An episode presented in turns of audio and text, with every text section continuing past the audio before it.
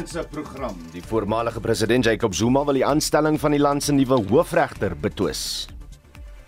Given all his transgressions and displays of incompetence, the foundation has also separately instructed its own lawyers to look into the possibility of challenging the unlawful appointment of Justice Zondo as the Chief Justice of South Africa. Uiteenlopende reaksie op die hofbeslissing oor aborsies in Amerika. This will hugely change life for millions of American women. I promise to nominate judges and justices who would stand up for the original meaning of the Constitution. The Supreme Court of the United States expressly took away a constitutional right from the American people that it had already recognized. It's a sad day for the court and for the country. En die regering ontplooi 'n spesiale ondersoekspan om die dood van 21 jong mense by 'n kuierplek in Scenery Park in Oos-London te ondersoek. The president is, however, also concerned about the reported circumstances under which such young people were gathered at a venue which, on the face of it, should be off limits to persons under the age of 18. Welkom by Monitor. Die span in die ateljee vanoggend is redakteur Joan Marie Verhoef, produksieregisseur Evert Snyman en ek is Oudo Karelse.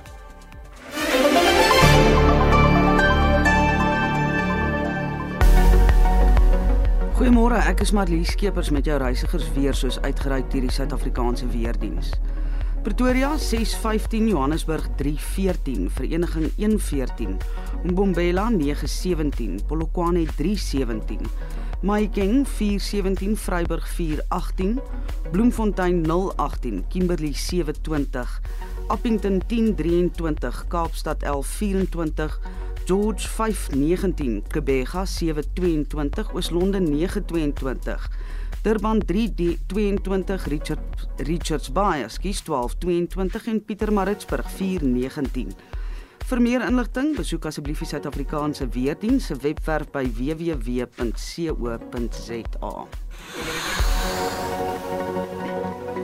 Daar is veel verkeer.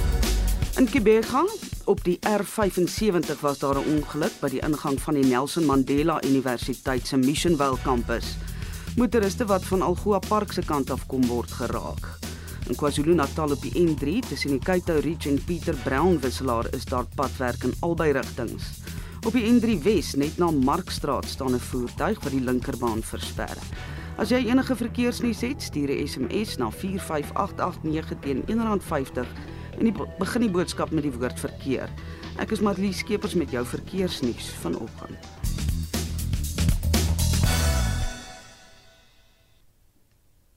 Dit is die 67ste herdenking van die ANC en sy alliansie vennote se vryheidshandves wat onder meer bepaal dat Suid-Afrika aan almal behoort wat haar bewoon, swart en wit, en dat geen regering gesag sou hê sonder dat dit gebaseer is op die wil van die mense nie. Ons wil graag by julle vanoggend weet in ons brandpunt vraag: Is die handves vandag nog relevant? Het die ANC die edele beginsels versaak en dink jy dokumente soos die myn handves en gratis toegang tot onderwys 'n suksesvolle uitvloeisel beginsels van die handves. Ons hoor graag van jou. Stuur 'n SMS na 4588919 R50 per boodskap. Praat saam op die Monitor en Spectrum Facebookblad of stuur 'n WhatsApp stemnota na 0765366961. In sportnuus vir oggend, die Wimbledon tennis toernooi slaan vandag af. Aan cricket nodig Engeland net 113 lopies teen Nieu-Seeland en die Pumas maak geskiedenis in Kimberley. Ek het meer hier oor 'n bietjie later. Dis Christo Gawie vir RSG Sport. In sportnuus vir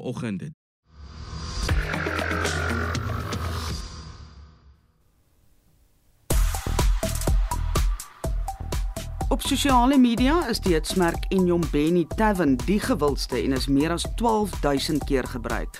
Dit gaan natuurlik oor die liggame van die 21 minderjariges wat gisteroggend vroeg in 'n taverne in Oos-London in die Oos-Kaap gevind is. Die hitse load shedding en Eskom is net so gewild. Verdere kragonderbrekings word vir die res van die week verwag nadat die kragreus fase 4 beurtkrag van vanoggend af tot Woensdag aand om middernag ingestel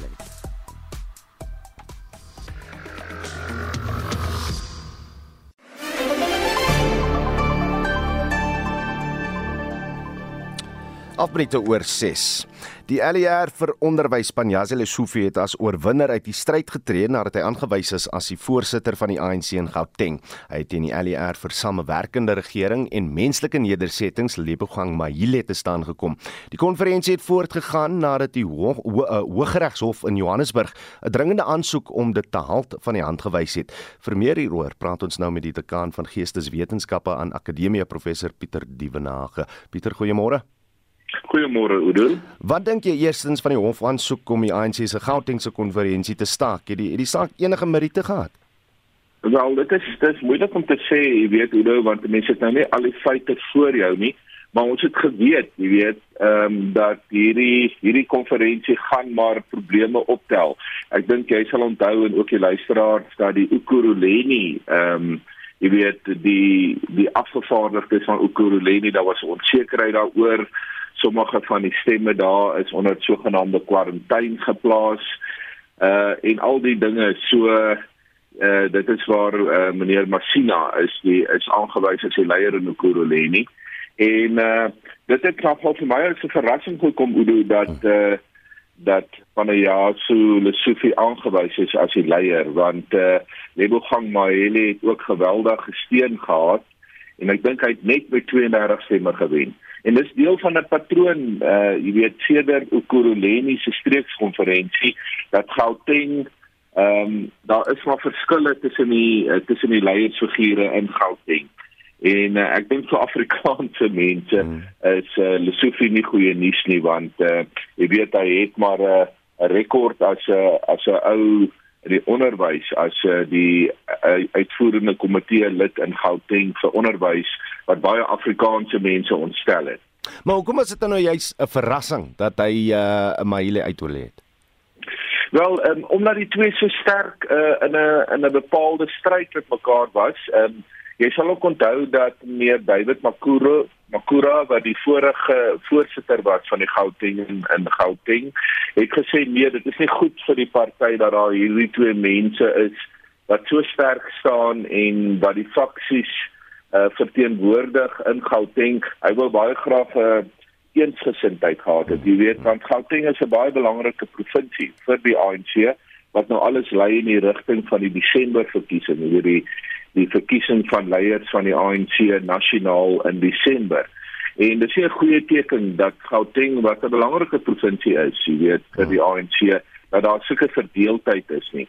En meneer Mahele was um, jy weet onder andere het meneer Paul Masetile wat een van die ses uh, top uh, figure is in die ANC het byvoorbeeld meneer Mahele gesteun. Soos ons nou gesien het met Ekurhuleni, die hierdie neiging om om stemme wat probleme skep te kwarantyne Wat hmm. wat is jou mening hieroor? Want, want sekerlik wil jy in 'n konferensie ingaan en en alles dit dit al alle struikelblokke uit die, uit uit die weg gedrein. Inderdaad, want dit is eintlik 'n nie gesonde situasie. Jy weet as jy Vrydag begin met 'n konferensie en dan teen 10:00 Sondag aand 11:00 is jy nog nie klaar nie. En lyk my hierdie beslissing het geval as ek dit nie mis het nie eers hier na middernag. Ehm um, en dit is nie 'n gesonde praktyk nie want mense wou hê dat hierdie provinsie wat een van die invloedryke provinsies van die ANC in die land is, dat sy administratiewe prosesse en die manier waarop verkiesing gehou word professioneel sal wees. Maar dit is klaar, klaar blyklik nie die geval nie en dit is deel van 'n patroon ehm um, weet as mens nou dink ook aan die Oos-Kaap, het dieselfde weggevolg. Hmm die Ooskaap het, het was ook 'n tipe van 'n stryd tot die bitter einde. Limpopo het beter gegaan en die Noord-Kaap verlede jaar en so aan. Ehm um, maar uh, jy weet hoe nou dit dit uh, dit word nou deel van 'n patroon, amper deel van 'n logika binne die ANC dat daar geweldige verdeeldheid is en dat die faksies teenoor mekaar te staan kom en mense is ook nou nie seker jy weet in Gauteng is die faksie nou pro Ramaphosa mm, mm. of nie want ek dink beide Mahele en Lesofie is mense wat uh, maar half hulle eie belange najaag. Net so laastens hy eh, neem nou oor by uitredende voorsitter David Makura, waarop kan Lesofie verbeter in die provinsie? Wel, hy kan op baie plekke verbeter. Jy weet as jy dink aan die staatshospitale wat eintlik maar onder ehm um, jy weet uh die uh Gautengse um uh, ANC val. Hy kan in die algemeen net uh, in wat bestuur aanbetref jy weet uh, verbeter. Ehm um, dit is uh nou nie een van die heel swakste bestuure van die ANC in die land nie. Jy weet 'n provinsie gewys nie maar daar's ook nog steeds baie om te verbeter. En die groot punt is maar net uiteindelik hoe nou dat die die ANC in Gauteng is so met sigself besig en jaag so hulle eie belange na dat die provinsie se mense maar maar tweede kom en dit is maar ook deel van 'n patroon uh, rondom die ANC bestuur landwyd. Professor Pieter Dievenage, ek sê vir jou baie dankie vir jou tyd en hy's natuurlik die dekaan van Geesteswetenskappe aan Akademia. Gister was die 67ste herdenking van die Vryheidshandves. Die handves is op 'n oop stuk veld tydens die Congress of the People in Kliptown in Soweto aanvaar. Dit is 'n bloudruk vir die politieke, ekonomiese en maatskaplike struktuur wat die mense van Suid-Afrika geëis het. We the people of South Africa declare for all our country and the world to know that South Africa belongs to all who live in it, black and white and that no government can justly claim authority unless it is based on the will of all the people. Op 26 Junie 1955 is die Vryheidshandves in Kliptown in Soweto aanvaar. Dit dien as 'n bloudruk en is rigtinggewend vir die regerende party se diensleweringsprogram. Dit is ook gebruik vir die opstel van die nasionale ontwikkelingsplan. Die voorsitter van die ANC, Gwedi Mantashe, sê die aanvaarding van die mynhandves het gelei daartoe dat die mense nou die bewaarders van minerale is wat as 'n prestasie vir die vryheidshandves beskou word. Uh, when we adopted the mining charter, one of the things that was achieved was to give all minerals below the surface of the soil to the state on behalf of the people as a whole. The custodian of minerals is the, is the state and on behalf of the people as a whole, which is an achievement for the Freedom Charter. Die dokument beslis onder meer dat onderwys gratis, verpligtend en gelyk moet wees vir alle kinders. Mantashe huldig die mening dat toegang tot onderwys dramaties verbeter het. Everything else will always depend on the work we do. For example, look at education. Access to education has improved dramatically. You will produce graduates. That's why the biggest problem is no longer we don't have access to education. The problem is we graduate and struggle to get jobs. So that means there is a progress that we're making. But as we make that progress, we must also look into other aspects. How do we take that achievement forward? Die verslag is saamgestel deur Zoleka Kodashe en ek is Annelien Moses vir SAK nuus. Vir meer hieroor praat ons nou met professor Amanda Gous van die Departement Politieke Wetenskap aan die Universiteit Stellenbosch. Amanda, goeiemôre. Goeiemôre. Ja, ek het nou seker gehoor dat die uh, ANC voorsitter Gwede Mantashe sê die myn handves en gratis toegang tot onderwys is van die suksesvolle uitvloeisels van die handves. Is dit werklik 'n suksesverhaal? Nee, ek dink nie so nie. Ek ek dink dat jy weet om om sekere aspekte uit te sonder en sê dis 'n suksesverhaal is problematies want dit moet gelees word in 'n groter konteks van die handves. Nou ek dink gratis onderwys byvoorbeeld is ehm um, veroorsaak dat daar jy weet 'n uh, 'n befondsing is wat wat 'n uh, verskywing in befondsing is na na onderwys toe. En en die feit dat mense wat ek probeer sê is dat onderwys is net een aspek hmm. van van die ehm um, van die charter en dit is wel belangrik dat mense toegang het tot onderwys maar as ons kyk byvoorbeeld na tersiêre onderwys die befondsingsmodel is nou so problematies hmm. dat dit uh, ander aspekte van belangrike um, dimensies wat mense nodig het soos byvoorbeeld mediese sorg en so aan ondermyn Nou kom ons praat dan oor die die breër prinsip hier want die die geskiedkundige handves wat in Kliptown onderteken is het edele motiewe. Hoe ver in jou mening het die ANC hiervan weggedryf en en waar het, het hulle nog steeds bly hou by by wat daai handves wil doen? Kyk, die handves het 'n baie groot herverspreidingselement, né? Dit eh, en ons moet dit lees in die konteks van 1955 wat dit gaan dit oor rasonderdrukking. Hmm.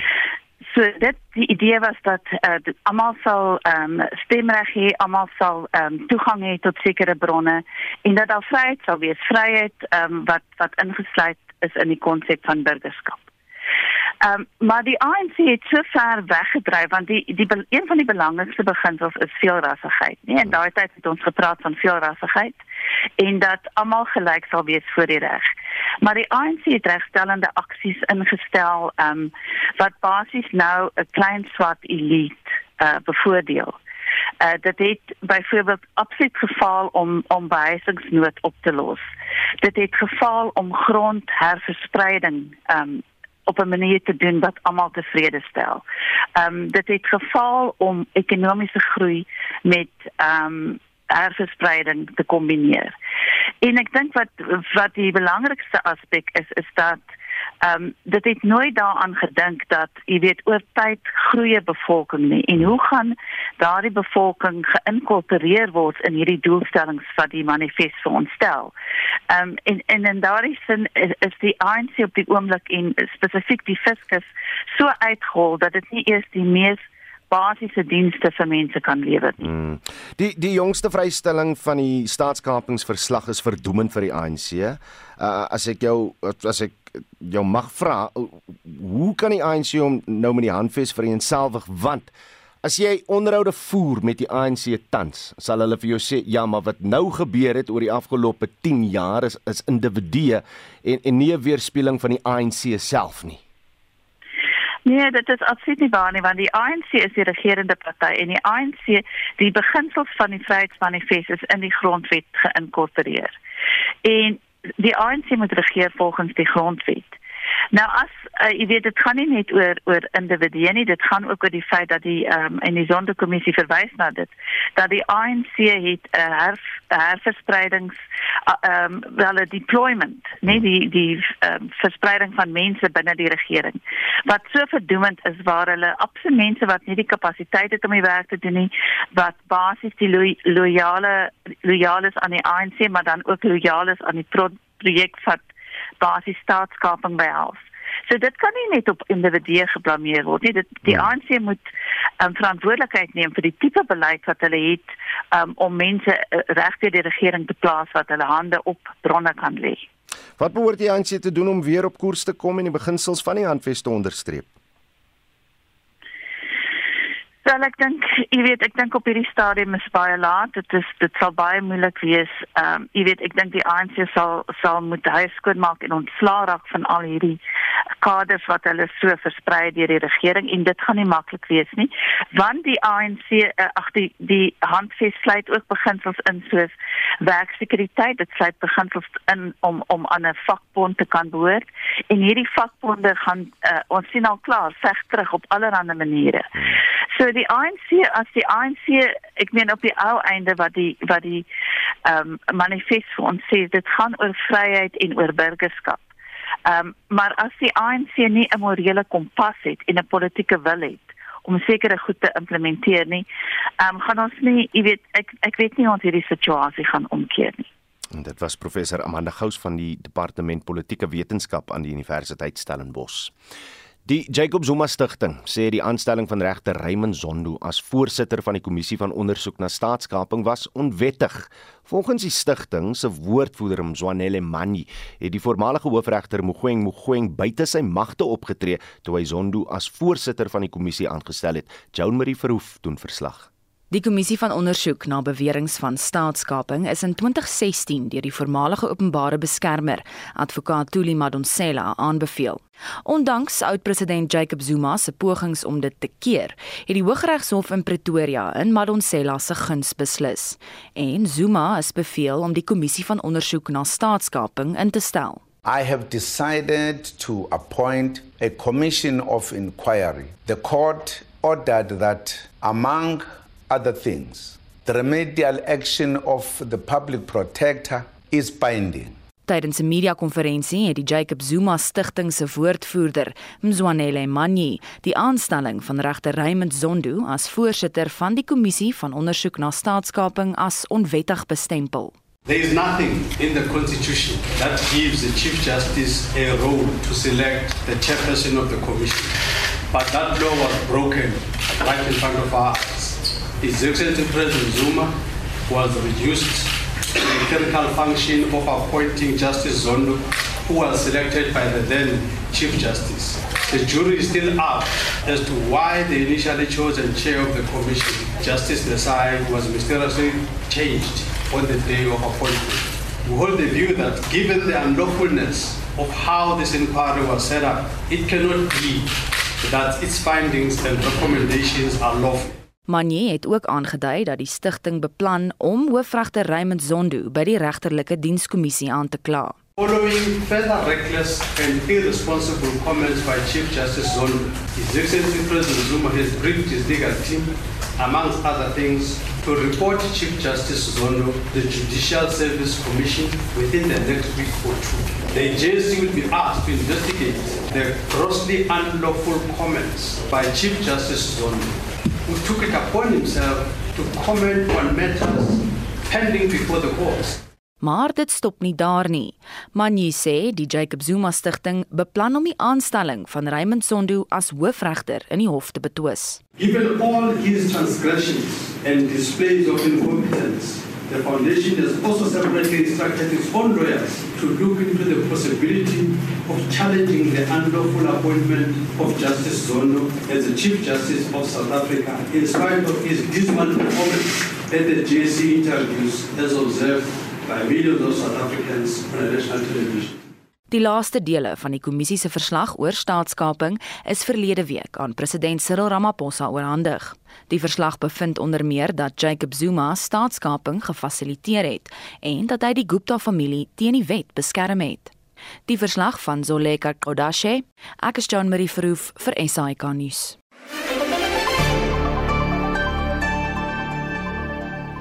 Verskuif nou die fokus na nuus uit die FSA. Die gevolge van Amerika se hoogste hof se beslissing dat vroue nie meer 'n grondwetlike reg tot abortus het nie, kring alweier uit. Daar word verwag dat minstens 26 state die reg tot abortus so so gou moontlik gaan verbied. Vir meer oor die politieke implikasies hiervan, praat ons nou met die politieke ontleder aan die Universiteit Pretoria, Roland Henwood. Roland, goeiemôre. Goeiemôre. Ja. President Biden het die uitspraak ten opsigte van Roe versus Wade gekritiseer. Beteken dit dat hy in die geval net geen byt het nie? Ja, want dit is 'n uitspraak van die Hoogste Hof en dit het niks te doen met die president nie. So die uitspraak is finaal en dit dit bepaal nou die moontlikhede ten opsigte van beleid wat binne die deelstate gevolg kan word en wat die hof gedoen het is eintlik om die status quo te herstel, maar die status quo van amper 50 jaar terug. Mm. So dit word gesien as 'n baie sterk terugwaartse stap vir diegene wat ten gunste is van die reg tot abortus. Ehm um, daar's natuurlik ander kontekste en en en beginsels wat hier ter sprake kom, maar polities en en ek dink dis een van die belangrike punte reg oor die wêreld word beskou as 'n terugwaartse stap vir die FSA en as baie vrae wat nou gevra word oor wat is regtig besig om polities binne die FSA te gebeur want dis kan ook nie weggeredeneer word nie dat daar 'n politieke konteks is waarbinne die hofuitspraak plaasgevind het. Maar verduidelik net so 'n bietjie meer van die politieke konteks uh, want want as ons kyk na meningspeilings belig dit dat mense of, of meeste Amerikaners ten gunste is uh van Roe versus Wade. Uh, is dit 'n kwessie dat dat wetgewing indrys teen die wil van die mense? Ek dink dit is 'n kwessie dat mense oor 'n baie lang tydperk die die regte wat aan hulle toegeken is opneem en ook ten gunste is van die beginsels wat onderliggend is aan die uit aanvanklike uitspraak die Roe versus Wade uitspraak en dat amper 2/3 van Amerikaanse volwassenes is ten gunste van die behoud van wat bestaan het. Wat ons nou sien is dat die politiek van 'n konservatiewe regbank besig is om die beleidsmoontlikhede te begin rig en te beperk in 'n sekere sin en dat daar teruggegaan is en en ons sal onthou dat president Trump het dit sy doelwit gemaak om soveel as moontlik konservatiewe hmm. regters op die regbank te kry sodat hulle onder andere hierdie beleid kon hierdie besluit kon neem. En en ek dink dit is belangrik alhoewel die regbank veronderstel is om te funksioneer slegs binne die konteks van interpretasie van die reg en interpretasie van die grondwet. Dit is die funksie van daardie reg. van daardie hof sien ons nou dat daar 'n politieke doelwit was en ek dink die langtermyngevolg hiervan is nie net dat die regte van mense binne 'n sekere konteks verander word en in die oë van mense ten gunste daarvan weggeneem word maar ook dat politieke doelwitte eintlik die regbank begin rig en dit natuurlik beteken dat die legitimiteit van die regbank in die gedrang kom veral van die hoogste hof in die FSA. Was jy lank terug toe ons in Suid-Afrika begin sê het of of sekere partye begin sê het dat on, ons konstitusionele hof nou te veel indring maak op op uh die wetgewing wat in die land uh, uh, bewerkstellig is nie. Is dit nie wat nou aan die gebeur is in Amerika nie? Waar waar jy kan stem vir wie jy stem, maar maar jy kan beleid deur die hoogste uh, die hof van die land uh, beïnvloed. Ek dink die beginsel is 'n bietjie anders in die sin dat ehm um, in Suid-Afrika kan die regbank nie beleid gaan neerlê nie, maar jy kan wel die regsraamwerk waarbinne dit plaasvind neerlê. En dan baie belangrik is dat in Suid-Afrika tot op die stadium het die konstitusionele hof veral om weerhou van uitsprake wat 'n politieke rigtingverandering gaan bring, maar gehou by die interpretasie van die bestaande grondwet. Wat ons in die FSA kry is 'n baie ander benadering en en debat wat nou uitspeel. En dit is om te sê die aanvanklike uitspraak in Roe versus Wade was 'n foutiewe lees van die grondwet. Hmm. En wat nou gebeur is 'n herstelling van die korrekte lees van die grondwet. Nou dis natuurlik 'n baie moeilike argument om te verklaar. Ehm um, in die sin dat dit gaan oor hoe 'n bepaalde groep mense die grondwet lees. En ek dink wat dit vir 'n mens sê is dat jy kan die regsproses gaan verpolitiseer tot 'n mate en dan gaan jy bepaalde uitsprake kry wat baie verdelend gaan wees en wat baie probleme kan skep. Ehm um, ek meen daar's ander debatte wat hierby aansluiting vind. Die hele beginsel van godsdienstige ehm um, verwerping van die hele idee van van abortus val abortus op aanvraag maar dan ook die hele debat rondom die die kwessie van vroue se regte om self te besluit letterlik besluit oor wat met my liggaam gebeur. So dis 'n komplekse saak ehm um, wat nou binne hierdie politieke konteks ingegooi word en waarbinne jy 'n regbank kry wat baie duidelik opgestel is hmm. om bepaalde tipe besluite te gaan neem. En ek dink dit is miskien die belangrike punt hier dat die balans wat altyd in die FSA bestaan het in terme van 'n uh, noem dit 'n ideologiese spektrum binne die ehm um, die hoogste hof is nou weggevat deur Trump se manier van doen en ons sal onthou daar was baie kontroversie en hy het prosesse gebruik en en gedruk en misbruik in 'n sin wat nog nooit voorheen deur presidente in die VSA gedoen is nie. Ja, Neil Gorsuch, Brett Kavanaugh, Amy Coney Barrett, daar sit hulle nou in die hoogste hof in die land. Ek wil net uh, ten slotte vra of hierdie uitspraak Amerika se aansien in die wêreld enigsins gaan verander. OK. Ek dank Kees van die lyn af. Dit was uh, Roland Henwood, 'n politieke ontleder aan die Universiteit Pretoria. Daar is geen verkeer. In Johannesburg op die R21 suid net na die Olifants net na Olifantsfontein weg staan 'n voertuig wat die noodbaan versper. Dan kan ek julle maar net weer herinner aan die padwerk in KwaZulu-Natal op die N3 tussen die Cato Ridge en Pieter Brown wisselaar. Dan is die verkeersnuus vanoggend taamlik stil wat seker maar net 'n goeie ding kan wees. Maar as jy op iets afkom, stuur 'n SMS na 45889 teen R1.50 en begin jou boodskap met die woord verkeer. Ek is Marlies Skeepers met jou verkeersnuus.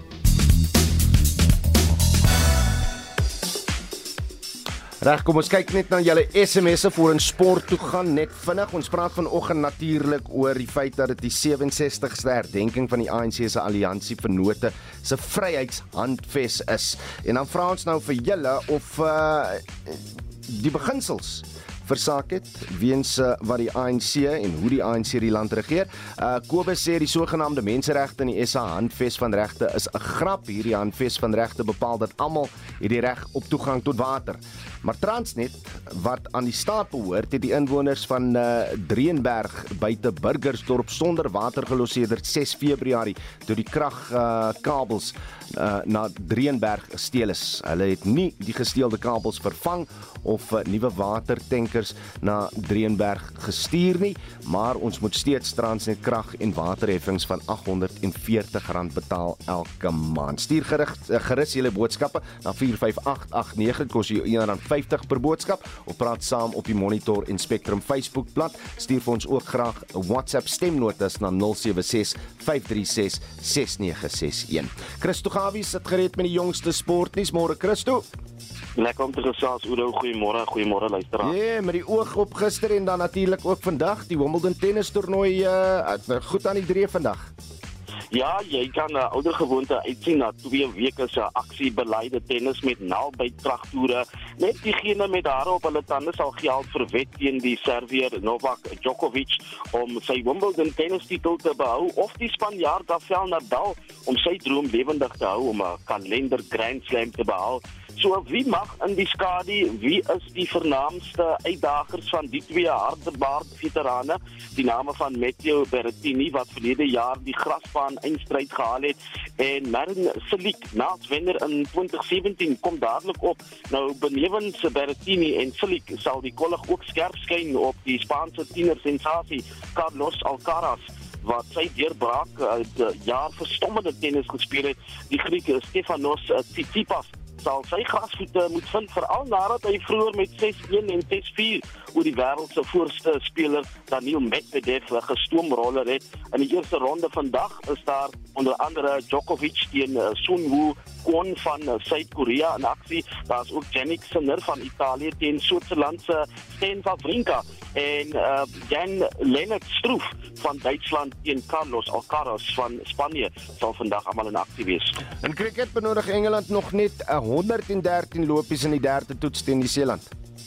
Ja, absoluut Engeland met uh, 183 vir 2 benodig net uh, 113 doelpies soos jy sê vandag op die laaste dag van die derde toets teen Nieu-Seeland op Headingley om skoonskip in hulle reeks te maak. Engeland se aanvanklike wenteiken was 296 nadat die Kiwis gister vir 326 in hulle tweede beurt uitgehaal is. Nieu-Seeland het die vierde dag op 168 vir 5 voortgesit. Engeland se paaltjie wagter Ben Foakes is weens 'n uh, positiewe COVID-19 toets deur Sam Billings as hy vervang. En ek sien uh, die Pumas het uiteindelik geskiedenis gemaak in Kimberley. Die Pumas het geskiedenis gemaak uh, Saterdag in Kimberley toe hulle die Curriebeeker die eerste keer in hulle bestaan verower het. Die span van Mbombela het gekwas met 26-19 uh, op hulle tuisveld geklop. Die Pumas was uh, reeds met rustyd met 18-9 voor. En dit dan Christo Gawie van ons sportredaksie.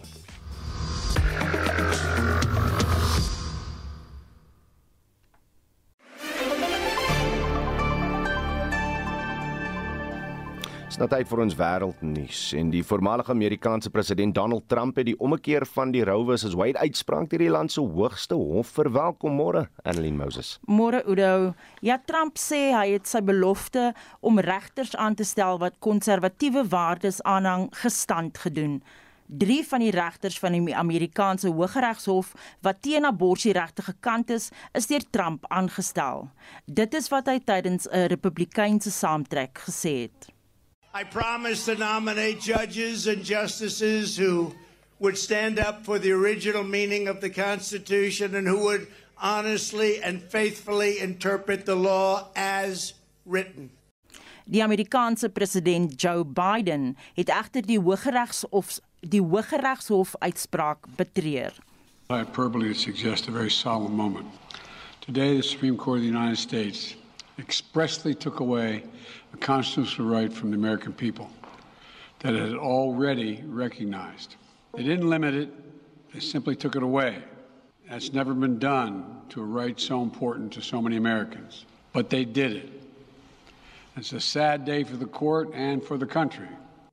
Russiese inval van Oekraïne is hoog op die agenda van die G7 beraad in Duitsland.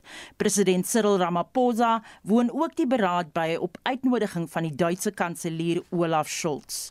Daar word verwag dat die G7 verdere militêre bystand aan Kiev sal verleen en nog sanksies teen Rusland sal instel. Intussen spook Rusland om sy buitelandse skuld te verheffen. Ja, vir die eerste keer sedert 1998 sukkel die land om sy buitelandse skuld te betaal. Rusland moes 'n betaling van 100 miljoen dollar maak aan sy internasionale krediteure, maar kon dit nie bybring nie. Die betaling moes reeds op 27 Mei geskied het. Die land het 'n maand uitstel gekry, maar dit het gisteraand verval. Ben King van die BBC berig. Countries normally default when their economy is so weak they cannot find the money to pay their international debts. Russia has been keen to avoid this humiliation. It makes billions from oil and gas exports and says it wants to pay what it owes. But increasingly severe sanctions imposed after the invasion of Ukraine have made it impossible to make payments to its international creditors. Dit was Ben King van die BBC. Dan gaan Afghanistan nog gebuk onder naskokke na verlede week se kragtige aardbewing wat minstens 1000 lewens geëis en 3000 beseer het. Slagoffers het nie kos of water nie en is dakloos gelaat. En intussen waarsku die Verenigde Nasies teen 'n uitbreking van kolera. En dit was Annelien Moses met 'n blik op die wêreld se nuus gebeure. Aan die begin van die oorlog in Oekraïne 4 maande gelede het RSG se aktualiteitsprogramme met Johan de Tooi, 'n protestante protestantse kapelaan oor die aantal vlugtelinge in Normandië, Frankryk gepraat. Hy is betrokke by 3 katolieke skole in Le Havre in die noorde van die land. Volgens hom word die stad toenemend 'n toevlugsoord vir Oekraïners. Daar is 'n min plek oor in natuurlik die lande nader aan die Oekraïne en ek het ook hierdie afgelope week ontmoet met leierskap in die Calvados streek van uh, Frankryk. Hulle het my gekontak om te vra of ek 'n referent, 'n referent mag wees vir hulle spesifiek met tolkwerk met minderjarige kinders wat sonder hulle ouers in uh, Frankryk arriveer byvoorbeeld in die sorg van 'n ouer suster en uh aangesien ons al klaar 15 Oekraïense vlugtelingkinders by ons skool ontvang het uh, hulle vir my gekontak ook met uh die doel om uh, al klaar te help met 'n paar krisis situasies tussen die twee streke waar ek werk en woonagtig is tussen Calvados en Saint-Maritime ek woon in die grootste stad van Normandië Le Havre en hier het ons oor die 300 vlugtelinge met wie ek op 'n daaglikse basis werk deur middel van die feit dat ek die organisasie behartig vir die stads uh, entiteite in Havre vir die leer van Frans. Ek organiseer dit vir die Oekraïense gemeenskap met vrywilligers, professore, onderwyseresse om seker te maak dat die fokus op taal aanleer vir integrasie. Johan sê van wat is sy algemene gevoel onder die vlugtlinge? Ja, algemene gevoel is nog steeds begeerd om die oorlog se sien so gou as moontlik en terug te keer na die Duitsland toe maar uh, ek werk met diegene wat ook nou fokus op langer termyn inskakel en uh, werksgeleenthede en in die afgelope 3 weke het ek al 20 werksgeleenthede gevind en ek help met die eerste fase van integrasie um, tolkwerk vir ongeveer 20 mamas en oumas wat daar begin werk het en dan ook huisvesting vir hulle te reël nader aan hulle werkplek. Skakel die Oekraïners goed in by die Franse? Totemate ja, in die algemeen definitief is daar 'n groeiende integrasie van so 20 tot 30% van die vlugtelinge wat afgelope 3 tot 4 maande hulle self werklik toeswits om die taal aan te leer, om werk te soek en te begin werk want dit is belangrik vir hulle integrasie. Maar weer eens 'n meerderheid wil so gou as moontlik terugkeer. Dit beteken dat daar nog steeds 'n meerderheid van die sê maar ons 300 vlugtelinge wat nou nie gereeld Franse lesse gaan doen nie, wat nie gereeld probeer inskakel ook by sosiale lewe konteks nie. En is die Franse tolerant oor die vlugtelinge? Ontvang hulle nog steeds met oop arms soos reg aan die begin? 'n Meerderheid ja, ek kry wel ook terugvoer van 'n hele paar mense wat uh, begin vra vra en wat ook kla oor die feit dat daar um, sekere voorregte is wat hulle voel uh, vinniger vir die Oekraïners gegee word as selfs vir Franse maar ook vir al vir ander vlugtelinge of ander immigrante. Soos wat? Ehm um, byvoorbeeld uh, die feit dat hulle baie vinnig dokumente kry terwyl ander immigrante lank moet wag dat hulle vinnig toestemming kry om te werk. Dit is 'n spesiale status wat uh, amper sonder presedent is hoe redelik maklik en vinnig dit is vir die Oekraïners om te integreer en die reg te kry vir al om te werk en toegang en vinnige toegang tot die volledige Franse sosiale hulpstelsel dit dit dan Johan de Toey van Uitlahav in Normandië. Ons bly by nuus oor die oorlog in Oekraïne en 'n uh, Oekraïneer in Monaco, uh, Tetiana Semenuk, het voorheen met ons gepraat oor haar uh, onbaatsigtige hulp aan haar landgenote. Sedertdien is hy steeds op haar pos in 'n poging om Oekraïners se lewensgehalte te probeer verbeter. Sy het onlangs vanuit Monaco met Anita Visser gepraat. I need to work to help to provide because now uh, you know in the beginning everybody was helping but now it's not much help and um, the situation is quite complicated. There are lots of people are uh, missing things and uh, it's not easy Wat die werk bemoeilik, is die fisiese aspek daarvan. Eindelose bokse moet gepak word met allerlei produkte te midde van 'n tanende belangstelling onder die Franse om hand in die sak te steek vir die Oekraïners. Internasionaal is die tendens wel bekend. Trouwens, menseregte organisasies het 'n term daarvoor: donor fatigue. It's tiresome, you know. Every week we have lots of boxes, lots of things before it was like uh, okay people was bringing stuff. No no not really. And we have many people who are already in france. They need uh, help and support like accommodation and things. Also we have a work also here because you need to help people who was coming. Refugees who are from ukraine here. There is a bit quiet from the french people. And there is some people who are still continuing they know me with the small things but the small thing is uh, there is a huge uh, help. The box of painkiller or something because we send also the medicine. Tetiana kom van die pragtige stad Chernitsy op die grens van Roemenië en Oekraïne. Die stad was voorheen 'n toeriste trekpleister met 'n universiteit wat tot 'n UNESCO wêrelderfenisskat verklaar is. Helaas is daar nou van 'n toerismebedryf min ter sprake. Intussen staan haar kerk se pastoor in Chernitsy behoorlik bond om al die goedere vanuit Frankryk te verpak en te versprei. Every week we send the stuff what the people need. I have a pastor in Chernitsy, my friend. my best friend, and we do help people like this now. Now I'm helping from Monaco to my town. They need everything. There is a lot of refugees, a lot of people who are from my town. You know, there is no jobs, no work. So people don't have really essentials like a clothes, food. Everything is really complicated. And if you have a kid, you need to provide everything for the kids. We send everything what we can send. And also we help to the orphan house because they really need everything. Trouwens, Tetiana en haar pastoorvriend kan nie voorbly met hulle hulp aan die Oekraïners nie. What we can collect here, we send even toys, clothes, like nappies, some food we send, uh, milk. In the church they need everything because people are coming for the food. I can send you later on even the video I have. Uh, it was 400 people came for food, for uh, clothes, for whatsoever help. That's just crazy in three hours. Like 400 people. Gevra oor die stand van haar landgenote se moreel, was Tetiana se antwoord patrioties. Sy is per slot van sake ook 'n Oekraïner. They have a belief and hope that they will win, but you know the situation is uh, you don't know how it's going to be. But they have a hope that they will win and the Ukraine will be uh, free uh, back like it was before, which is normal to think because uh, we are in our country Maar hoeveel Oekraïners vlug nou Suid-Frankryk toe?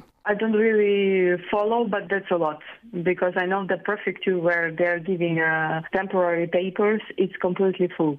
So I don't know how many, but that's a lot of Ukrainians because every third, fourth car is Ukrainian license plate. So it's a lot of Ukrainians in France, especially in the Côte d'Azur. Dit dan die stem van die Oekraïneer Tetiana Semenuk. Terug op tuisbodem, die departement van menslike nedersettings het 'n behuisingsprojek in die Kaapelgalle streek van stapel gestuur. Die projek sal nie net bekostigbare behuising verskaf nie, maar ook werksgeleenthede skep. Die Weskaapse minister van infrastruktuur in die provinsie Terse Simmers het aan Bianca Olifant verduidelik wat die doel van die projek is. Die Kaapagallus uh, uitgestelde eienaarskap of die ownership is die Engelse woord sê, spreek tot ons uh, provinsiale fokus op bekostigbare behuising, maar meer spesifieke 'n uh, komponent van daai segment op die behuisingsdaglys wat oomblik nie 'n uh, banklening daar kan kry om 'n huis te koop nie of 'n verband kan aangaan nie of dalk toegang tot hulle pensioen kan kry nie maar hulle kan wel hier bekostig. En dis deel van ons programme om dan ook hierdie individue toegang te gee tot die behuisingsmark. Waar hulle vir 'n periode tussen 6 en 24 maande dan basies 'n huis hier met die wete dat aan die einde van daardie periode ons geskeur hulle om hulle hulle kredietbaarheid te rehabiliteer en dat bykans 50% van hulle hier dan toegewys gaan word as 'n fisiese bydrae by die aankoopproses van daai huis as deel van ons bekostigbare behuisingsprojek inisiatief in die Weskaap. Wat maak die behuisingsprojek uniek? Dit is waar die provinsiale regering unieke provinskaap benadering tot bekostigbare behuising implementeer, waar ook sy eie befondsing gebruik gedeeltelik en waar sodra die een komponent word gesubsidieer in terme van die uitgestelde of die third ownership en die ander komponent van die projek word dan in terme van die en by home projek wat ook staatssubsidies moontlik maak maar die uniekheid hiervan is dat dit ons beginsigdes 'n geleentheid gaan gee die eerste 106 om deel te vorm van 'n projek waar hulle ook toegang kry tot bekostigbare huising waar die eenheid teen 'n bekostigbare prys gebou word eienaarskap kan kry van 'n huis sodra die verband klaar betaal is, maar ook dat hulle dan toegang kry tot die behuisingsmark om 'n konkrete nalatenskap as jong individue vir hulle gesinne of toekomende gesinne kan nalat. Wie befonds hierdie projek van 55 miljoen rand? Die befondsing kom deur twee komponente. Eerstens fase van die provinsiale regeringskant wat die departemente het eie fondse. Is dit 'n totaal die eerste fase wat oorbetaal was was 10 miljoen, daar's 'n tweede bedrag van 15 miljoen. Dan is daar 4.8 miljoen begroot vir die grootmaatdienste deur middel van die IRDP program en die balans van 50 miljoen gaan natuurlik wees hierdie individue wat aan die flus komponent hierdie staat gesubsidieer gaan word wat jy die, die totale bedrag van 55 miljoen rand gaan gee. Wat is die kriteria om een van hierdie wooneenhede te huur en later te koop? Wel, eerstens die inwoner of die toekomstige huiskoper moet in Verdaarsdorp of in die Beere Kaap Gallus munisipale area woonagtig is. Hulle moet tussen 3501 tot 22000 rand gesamentlik of gekombineerde inkomste per maand. Hulle moet nog nooit voorheen 'n huis besit het in enige vorm nie. Hulle moet nog nooit voorheen 'n huis subsidie van die staat ontvang het nie. Hulle moet Suid-Afrikaanse landsburgers is. Hulle kan getroud wees al dan nie of hulle kan saamleef of hulle kan met kan bewys dat hulle finansiële afhanklikheid het. Hoekom word die eenhede nie gratis aangebied nie? Wel eerstens uh, die groter projekterrein het wat ons noem BNG of RDP behuising wat fokus op individue wat tussen 0 tot 3,5 stand per maand verdien. Daar's 'n prioriteitslys wat fokus op individue wie volle staatsgesubsidieerde huise kry. Maar op ons behuisingsdaglys in ieder geval van Kaapagallus is daar ook individue wat tussen 3500 rand tot 20000 rand per maand verdien wat 'n mate van staatsassistering of hulp benodig, maar wat nie eintlik ooit sal kwalifiseer vir 'n volle staatsgesofieerde huis en dit is hoekom hierdie huise nie gratis is nie weens hulle inkomste vlak waarna hulle val in terme van die behuisingskriteria.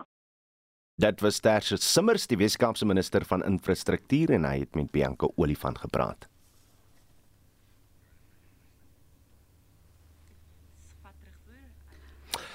Net voor ons by die verkeer uitkom, net so 'n bietjie terugvoer van julle in ons brandpunt vraag vir oggend natuurlik uh, en uh, net 'n herinnering, die 67ste herdenking van die ANC en sy alliansie vir notas 'n vryheidshandves wat onder meer bepaal Suid-Afrika aan almal behoort wat haar bewoon. Nou, Frans vanoggend, is dit vandag in Suid-Afrika die geval. Op die SMS lyn sê Fani Fourie wat 'n grap, die ANC het alles wat die land gehad het, ek kon gehad en kon gehad het totaal vernietig. Rex Bester sê ek is verbaas om te hoor van edele beginsels in aggenome die afgelope paar jaar se twee korrupte staatshoofde. Die Vryheidshandves is 'n ANC klug. Piet uh, Du Toit sê die handves beteken nou net mooi niks nie. Die ANC het die uh, dit vertrap met korrupsie. Han sê Dani Lou op Facebook die Vryheidsmanifest van die ANC is nie meer relevant nie. Die ANC ook nie meer nie. Die ANC het 'n mislukking gemaak van 'n demokrasie in Suid-Afrika en Elaine Raubenheimer sê nee beslis nie. Suid-Afrika behoort aan uh, die huidige regering en niemand is van belang nie behalwe die wat regeer. Dis beslis nie waarvoor ek gestem het nie, sê Elaine Raubenheimer. En dan sê Marie Kriegeburger, die ANC is die grootste mislukking as regerende party. Nelson Mandela draai in sy graf en net so 'n laaste boodskap van uh, Derrick de Lange. Hy sê net dood eenvoudig, ag asseblief, die dollar teken het hulle manifest vervang. Stuur nog van julle boodskappe, SMS na 45889 teen R1.50 per boodskap. Praat saam op die Monitor en Spectrum Facebookblad of stuur 'n WhatsApp stemnota na 0765366961. Daar is geen verkeer. In Kaapstad op die M5 Noord net voor Berkeley was 'n ongeluk. Die pad is vroeër gesluit, maar is intussen weer oopgestel vir wagvertragings. In Johannesburg op die N1 Suid tussen Atterbury en Rigel, verskoning, was 'n ongeluk en jy kan daar ook vertragings verwag. As jy enige verkeersdiens het, stuur 'n SMS na 45889 teen R1.50. Begin jou boodskap met die woord verkeer. Op sosiale media is die hitsmerk Enyombeni Tavern steeds die gewildste.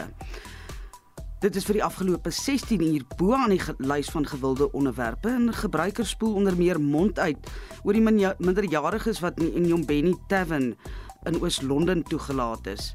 Die oorsaak van die 21 jeugdiges se dood gisteroggend in die taverne word nog ondersoek. Onthou vorige uitsendings van Monitor is op RSG se webblad as 'n potgooi beskikbaar. Gaan net na www.rsg.co.za. En groet ons namens ons uitvoerende regisseur Nicoline de Wee, die redakteur vanoggend is Joan Marie Verhoef en ons produksieregisseur is Evert Snyman. Ek is Oudou Karelse. Tot môre toe. Totsiens.